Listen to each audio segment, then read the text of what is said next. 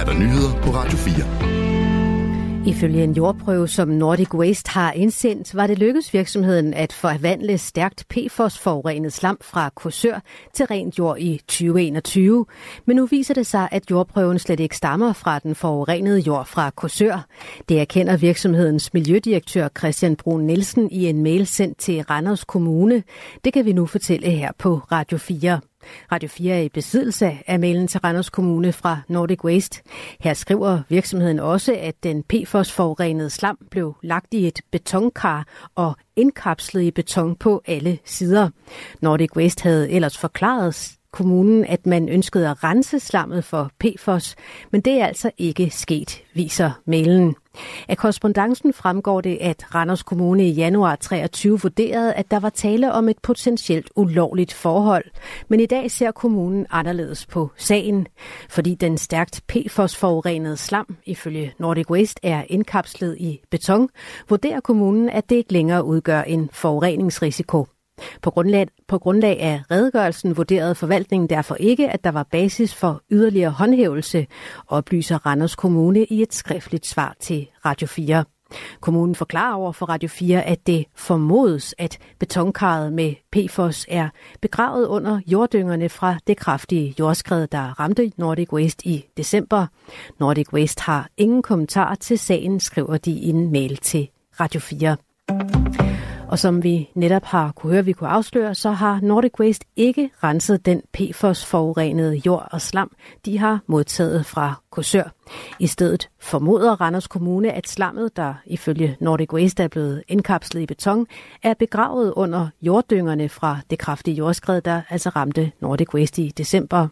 Ifølge flere medlemmer af byrådet i Randers Kommune, så er de nye oplysninger tvivl om alle de prøver, Nordic Waste selv har udtaget og brugt til at dokumentere forureningsniveauet i jorden ved virksomheden.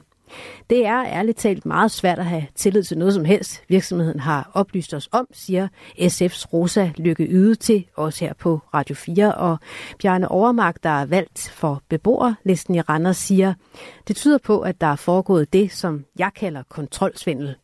Han mener, at sagen om den PFOS-forurenede slam og jord bør anmeldes særskilt til politiet. Borup Skole danner kl. 17.30 her i eftermiddag rammen om et dialogmøde med alle forældre til børn i indskolingen. Det fremgår af en pressemeddelelse fra Køge Kommune. Forældrene er inviteret til et møde efter, at det regionale medie SNDK og TV2 har berettet om, at flere elever i indskolingen på Borup Skole angiveligt har oplevet vold og i nogle tilfælde grove seksuelle krænkelser fra andre elever i indskolingen. En oppuslig forhindringsbane var skyldig, i, at en 33-årig mand mandag blev fundet livløs på bunden af bassinet i IKAS svømmecenter. Det skriver TV MidtVest. Manden blev erklæret død i går. Ulykken skete ved, at han faldt ned fra en oppuslig forhindringsbane og ikke kunne komme op igen. Formanden for Rådet for Større Bade- og Vandsikkerhed, Erik Bæk, fortæller, at oppuslige forhindringsbaner generelt er et problem i forhold til sikkerhed. Problemet er, hvis overfladerne er så store, at man kan blive fanget under dem. Det er der, vores bekymring er, siger han. Han mener, der bør laves regler på området, før der sker flere ulykker. Præcis en måned efter dronning Margrethe underskrev sin abdikationserklæring, sender hun nu en stor tak til alle i hele rigsfællesskabet. I et opslag på Instagram, som viser tegninger og hilsner til dronning Margrethe, takker hun for den store varme og opmærksomhed fra alle. Omkring 50 frivillige på udrejsecenter Kærshovedets Gård er i dag blevet tildelt Finn Nørgaard-prisen 2024, det skriver foreningen i en pressemeddelelse. Det er afviste asylansøgere, udvisningsdømte og mennesker på tålt ophold, som bor på udrejsecentret. De frivillige driver en bred vifte af aktiviteter for dem. Ifølge Finn Nørgaard-foreningen er det hvert år, der hvert år står for at uddele prisen, vælger de frivillige på Kærshovedgård hver uge at skabe fællesskab og gode øjeblikke. Sammen med prisen uddeles et legat på 50.000 kroner, og de vil brugt til, blive brugt til flere aktiviteter på Kærshovedgård, lyder det. Temperatur mellem 3 og 7 graders varme, svag til let vind.